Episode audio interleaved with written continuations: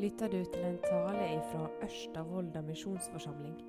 Om du vil vite mer om denne forsamlinga, kan du gå inn på øvm.no. Veldig kjekt å se dere. Jeg tenkte Denne søndagen her, da er det både mann og kvinne og barnefall. Det er vinterferie, og mange av familiene våre er vekkreiste. Eh, men det var veldig kjekt å se så mange som var her.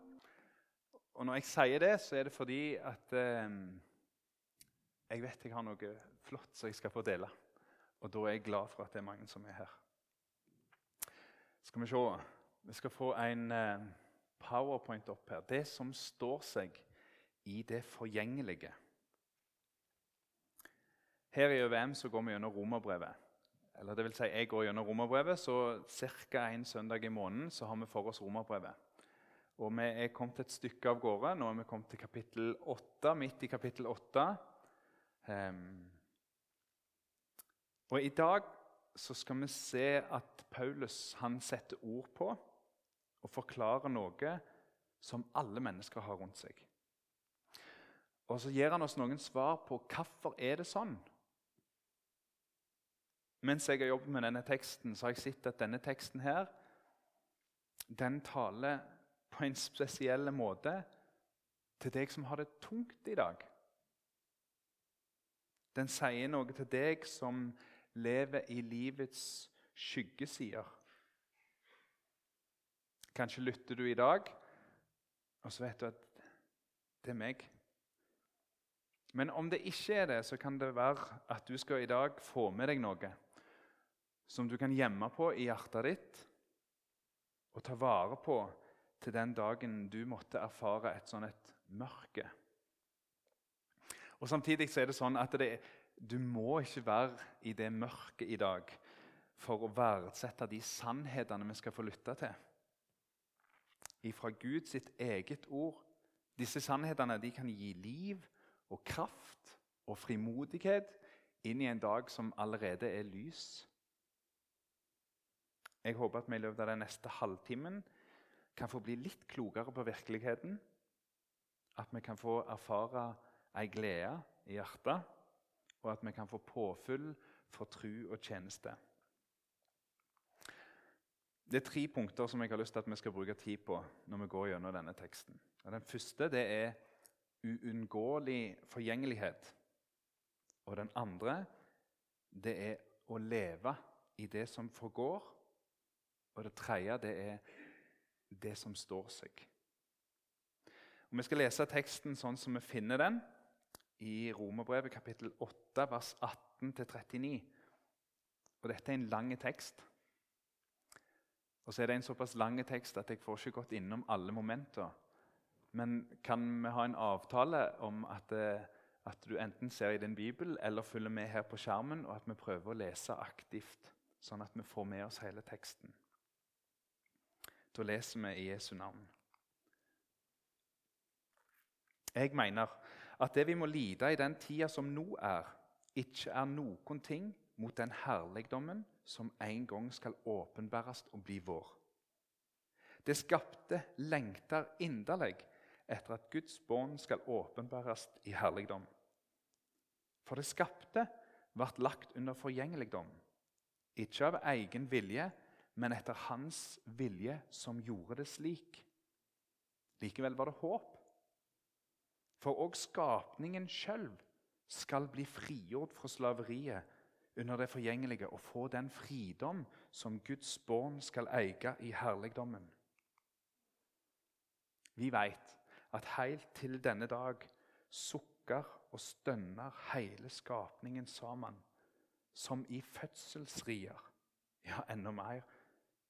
Også vi som har fått anden, den, den første frukta av høsten som kommer, sukker med oss sjølve og lengter etter å bli Guds barn helt og fullt når kroppen vår blir sett fri. For i håp er vi frelste.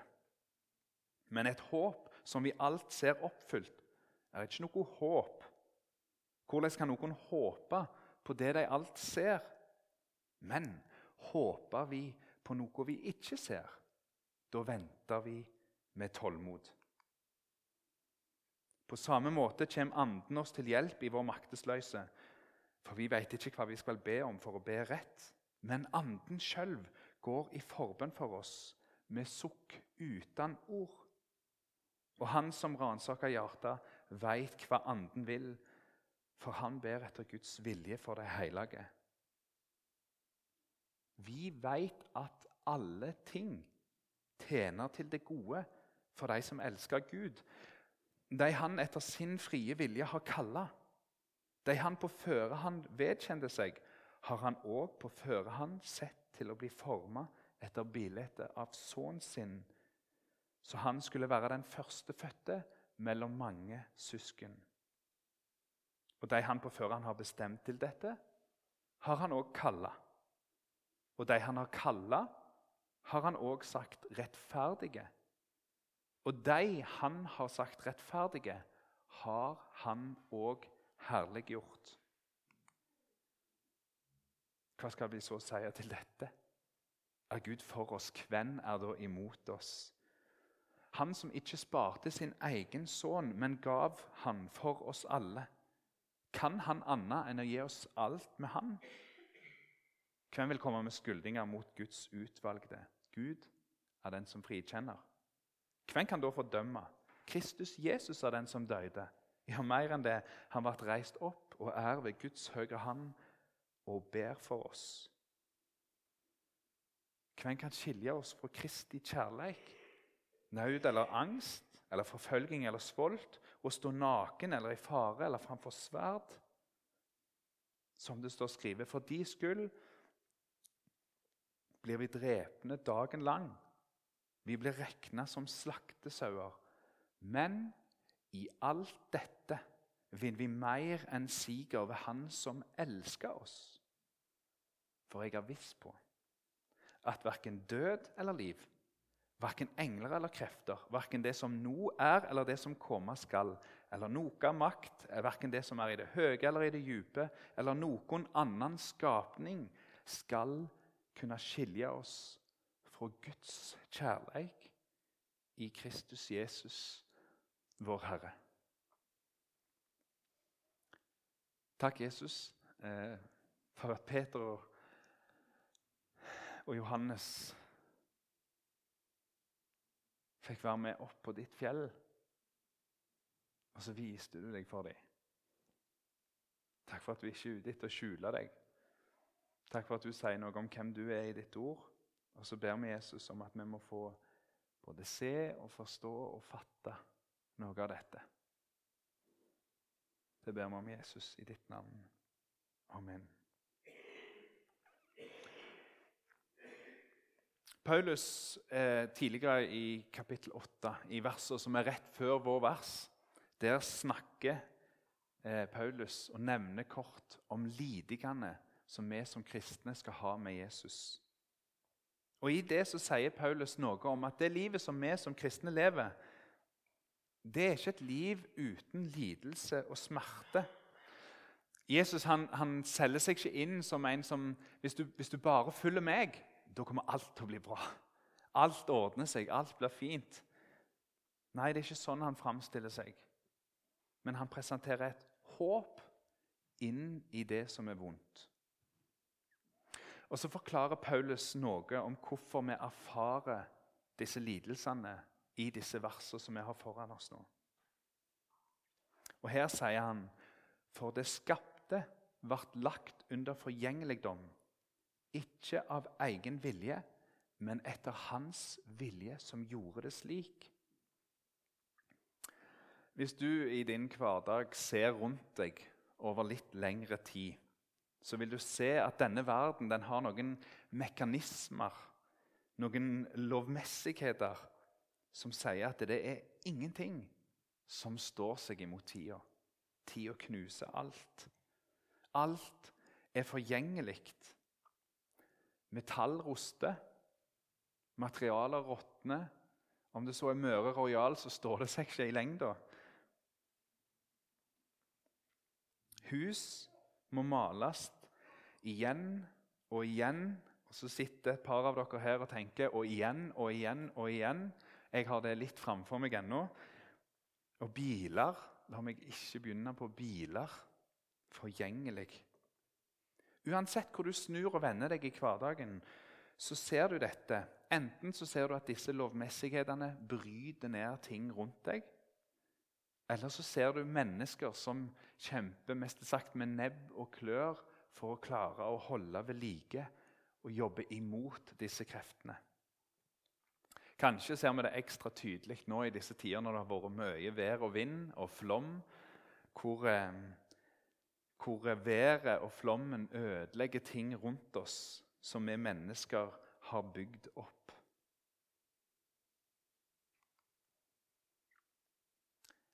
Det å male huset det kan kanskje oppleves som et slit. Men denne forgjengeligheten den bryter på mye dypere vann enn husmaling. Og så er Det sånn at det handler faktisk ikke bare om materielle ting. Ting som vi kan ta og kjenne på. De fysiske tinga. Det at denne verden er forgjengelig, det griper inn i andre ting. Fred. Kjærlighet. Engasjement. Glede. Det er ting som er forgjengelig. Det brytes ned, og det trengs å holdes ved like i denne skapte verden som vi lever i. Klarest så ser vi denne forgjengeligheten når et menneske dør.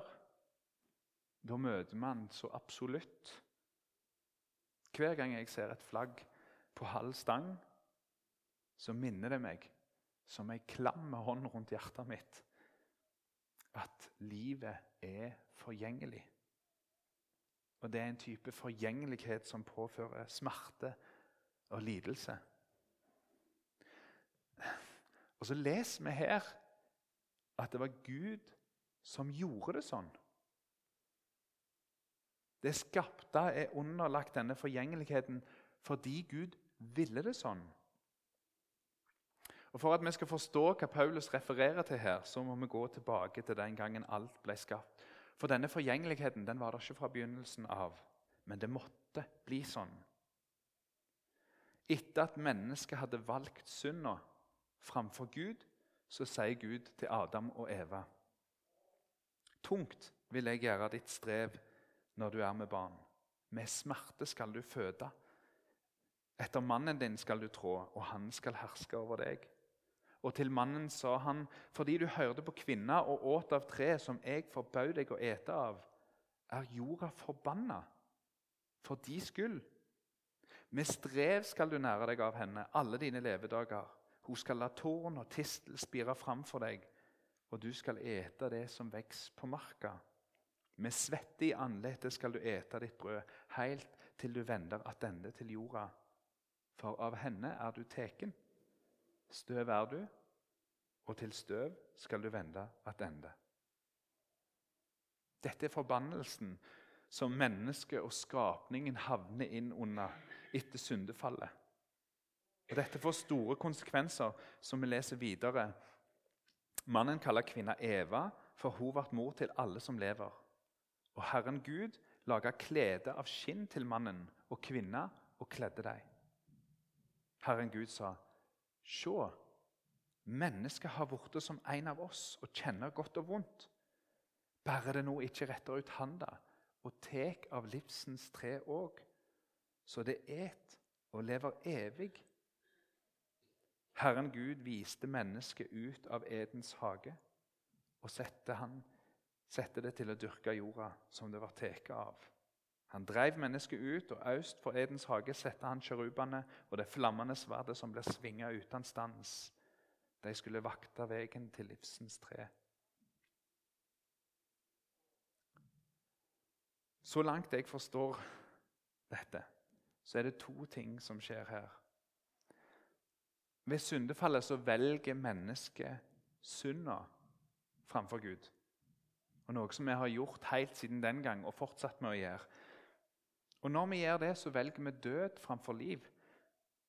Og På den måten så nærer vi opp under disse dødskreftene, forgjengeligheten. Men samtidig så ser det ut som om at Gud aktivt velger å legge hele skapningen inn under disse forutsetningene. Død Dødskrefter, forgjengelighet, torner og tistler blir en del av virkeligheten. Mennesker som syndere får ikke fortsette å leve evig. Vi blir avskåret fra livets tre. Og om det ikke hadde skjedd, da ville synder fått leve evig. Og dette ville vært en forferdelig verden å leve i. Der despoter kunne bare erverve seg mer og mer og mer makt og herske for alltid. Der maktmisbruk fikk fortsette. Der ryktemakere fikk stadig klokere måter å rive ned folks rykte på. Der menneskelige relasjoner ble brutt uten stans. Der kjærlighet, glede og fred ville hatt enda verre livsvilkår. Der ondskapen fikk råd uten at døden innhenta dem. Det er en uunngåelig forgjengelighet som både vi og skaperverket er lagt inn unna, men som vi lengter etter skal slutte. Men enn så lenge så er, disse, er dette de forholdene vi lever inni. Hvordan skal vi da leve i det som forgår? Vi lever med et håp. Og Dette har vi vært innom tidligere i Romerbrevet når vi var innom Abraham og Abrahams tru og hans håp. Vårt håp det er den sannheten som vi holder fast i. Ankeret som vi stoler på. Det er det at denne forgjengeligheten som vi har ser rundt oss nå, det er noe som både vi og skaperverket skal bli fridd ifra. Denne forgjengeligheten som vi ser rundt oss, den ser kollegaene dine. Den ser skolekameratene dine. Alle de som er rundt deg, alle de du kjenner, ser den forgjengeligheten. Men vi som er kristne, vi har et løfte. Vi har noen løfter som sier noe om et liv etter døden. At døden det er ikke siste stopp for oss. Det er den siste fienden som alle mennesker skal møte. Men for deg som tror på Jesus, så er det en overgangsfase til evig liv sammen med Jesus på den nye himmel og den nye jord. Han som en gang skapte alt som vi ser rundt oss. Han skal nyskape denne verden uten denne forgjengeligheten, uten død, uten sykdom og uten smerte. Og så er det sånn at På samme måte som et anker som vi som er ute på sjøen, har kasta uti for å ankre opp. På samme måte som det er skjult for oss. Vi ser det ikke der nede i dypet. Så ser vi ikke dette løftet rett framfor oss. Men i tillit så rykker vi i det tauet, og så håper vi at det holder sånn som løftet sier. Vi håper. Men så er det likevel sånn at noen ganger i livet så opplever vi disse kreftene så destruktivt inn i livet vårt at vi blir lamslåtte. Paralyserte. At det skulle rykke i den lina som går ned der til bunnen, det er tungt og vanskelig, og vi får det ikke til. Vi har ingenting å bidra med lenger. Og da lærer Paulus oss noe noe fantastisk om hvordan vi kan få erfare Gud på en måte som du aldri vil gjøre ellers. Når vi ingenting har, da ber han oss. Kanskje har du erfart det, eller kanskje kjenner du på det sånn akkurat nå. At når alt er håpløst, når kreftene er tomme, når du ikke har mer å gi, så føles det som om Gud sier ja. Men om du bare gir litt til nå Om du bare tar deg litt sammen, så skal jeg hjelpe deg. Om du bare tror litt, og så oppleves det som bare gjentatte krav på hva du skal gjøre, når det allerede er helt tomt. Hvis du bare mønstrer litt energi nå, så skal du få komme deg ut av dette her. Noen ganger så går ikke det. Det går ikke. Og da Da skal du få lene deg tilbake. Så skal du slippe armene ned langs sida. Og så skal du hvile i at der du ligger uten å evne å gjøre noe som helst Der ber Den hellige ånd for deg. Gud sjøl ber for deg. Seinere leser vi at Jesus Kristus går i forbønn for deg. Om at Gud skal gi deg det du trenger. Det som er etter Guds vilje. Du som tror på Jesus, du er hans.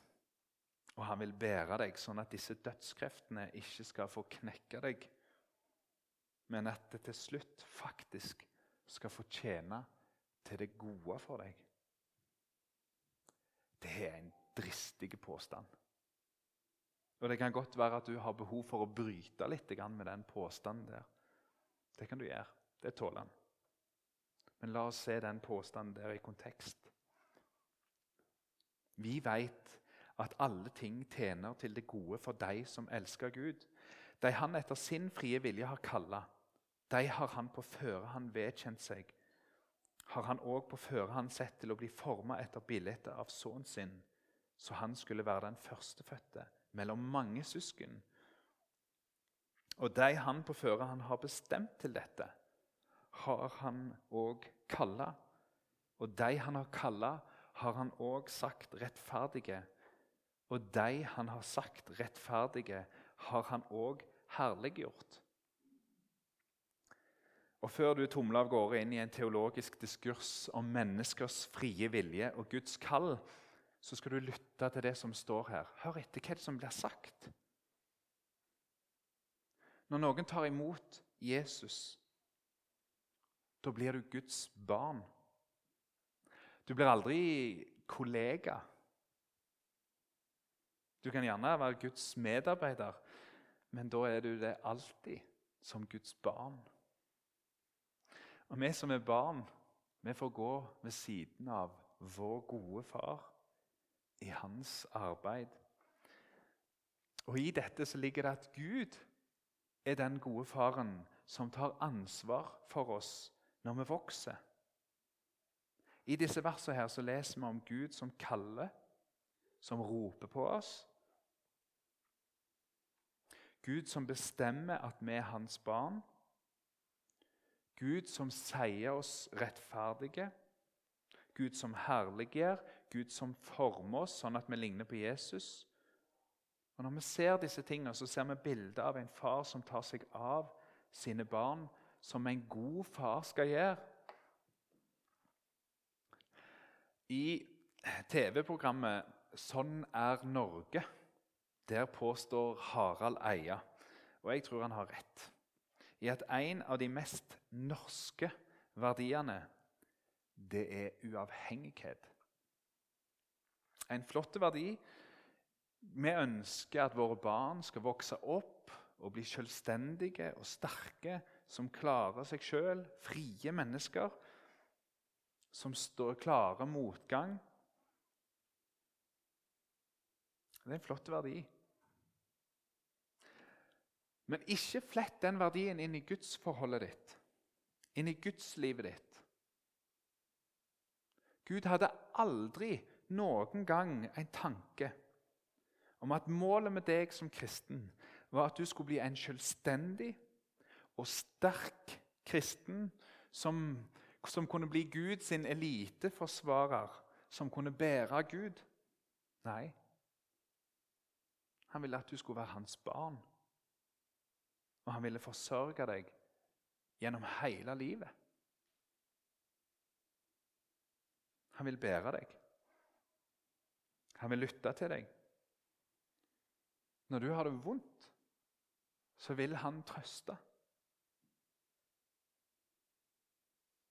Jeg tror det er en barnekjærlighet som beskrives her. For deg som elsker Gud. Å elske Gud det er å komme til Han fordi han har elsket deg. Om det så er ved at Hans hellige ånd går i forbønn for deg. Alt som driver deg inn i hans armer, er noe som er til det gode for deg. Når vi skal leve i dette som forgår, da skal vi vite at vi blir båren av Gud. Avslutningen på dette tekstavsnittet som vi har foran oss i dag, det kan ta pusten ifra de fleste. For der får vi gløtte på det som står seg. Jeg rekker ikke gå innom, innom alt så lytt aktivt når vi leser igjen.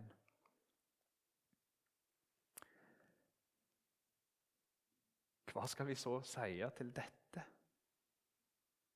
Er Gud for oss? Hvem er da imot oss? Han som ikke sparte sin egen sønn, men gav han for oss alle. Kan han annet enn å gi oss alt med han? Hvem vil komme med skyldninger mot Guds utvalgte? Gud er den som frikjenner. Hvem kan da fordømme? Kristus Jesus er den som døde. Ja, mer enn det, han ble reist opp og er ved Guds høyre hand, og han ber for oss. Hvem kan skilje oss fra Kristi kjærleik? Naud eller angst eller forfølging eller svolt, å stå naken eller i fare framfor sverd? Som det står skrevet, for de skyld blir vi drepne dagen lang. Vi blir regna som slaktesauer. Men i alt dette vinner vi mer enn siger ved Han som elsker oss. For jeg har visst på at verken død eller liv, verken engler eller krefter, verken det som nå er eller det som komme skal, eller noe makt, verken det som er i det høye eller i det dype, eller noen annen skapning skal kunne skilje oss fra Guds kjærleik i Kristus Jesus, vår Herre. Hva er det som står seg? Jesus Kristus. I møte med dødskrefter så står Jesus Kristus seg. Fordi han la seg inn under denne forgjengeligheten. Og så beseirer han det ved å stå opp igjen fra de døde. Og så har han vist seg som seierherre. Dødskreftene, forgjengeligheten, beit ikke på han. Han vant. Og du som er forena med Jesus, og det har vi vært innom på tidligere det er mye. Du som er forena med Jesus, du som er fletta sammen med han, du som er knytta sammen med Jesus Kristus ved tru. Du får alle ting ved han. Synda kom inn i verden som en kile som ble kjørt inn imellom oss og Gud sin kjærlighet. Gud sin kjærlighet den endra seg ikke intensiteten, helheten og det fullkomne i Guds kjærlighet, det endra seg ikke. Men han nådde ikke fram til oss. Det var noe som var kommet imellom. Vi var avskåret fra den perfekte kjærligheten. Vi var ikke lenger Guds barn. Gud elsker alle mennesker, og han vil at alle mennesker skal være hans barn.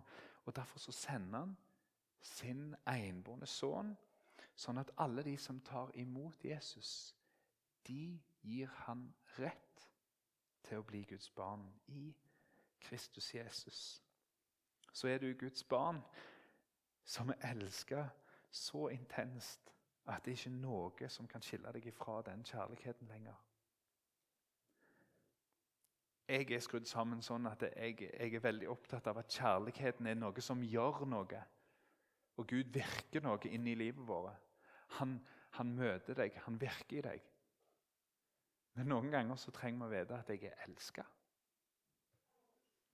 Jeg er elska. Han elsker meg.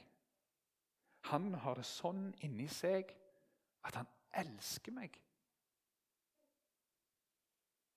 Uansett hvor du er i livet, uansett hva du har gjort, om alle andre svikter, om du får erfare dødskreftene på sitt verste, om, verste om, du, om du kjenner på kroppen din denne forgjengeligheten som vi lever i, så har du en hellig Gud og far som sier 'Jeg elsker deg'.